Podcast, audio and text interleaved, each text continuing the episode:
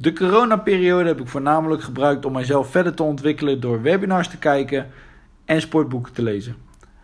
Ik vraag van mijn team dat zij elke dag ontwikkelen, mede doordat ik dat zelf ook doe.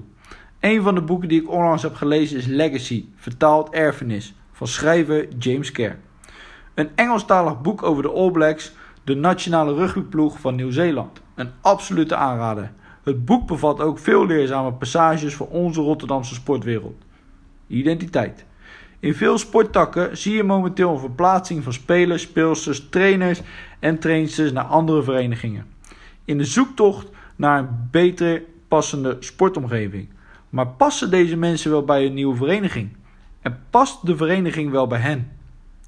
Nederland heeft een uniek verenigingsleven waar we met elkaar trots op mogen zijn. De sportvereniging is een kleine samenleving met een eigen identiteit en cultuur.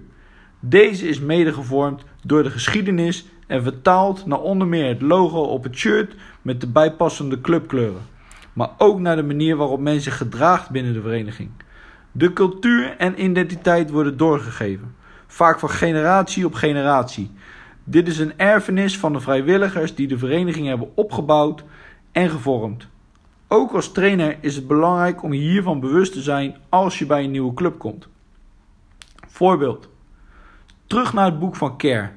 Hierin beschrijft hij No Dickheads Allowed. Geen klootzakken toegestaan als een pijler voor in de kleedkamer.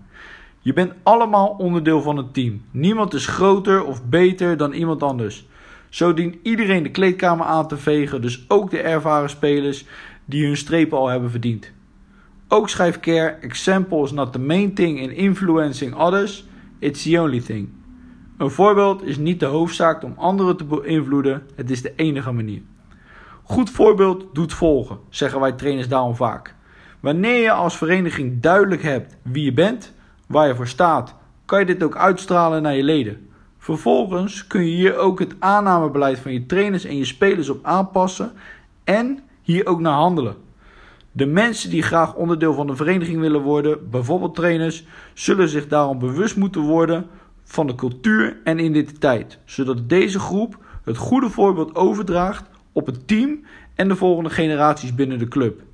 Dit is de erfenis van jouw vereniging. Wees hier trots op, bewaak dit en straal dit uit.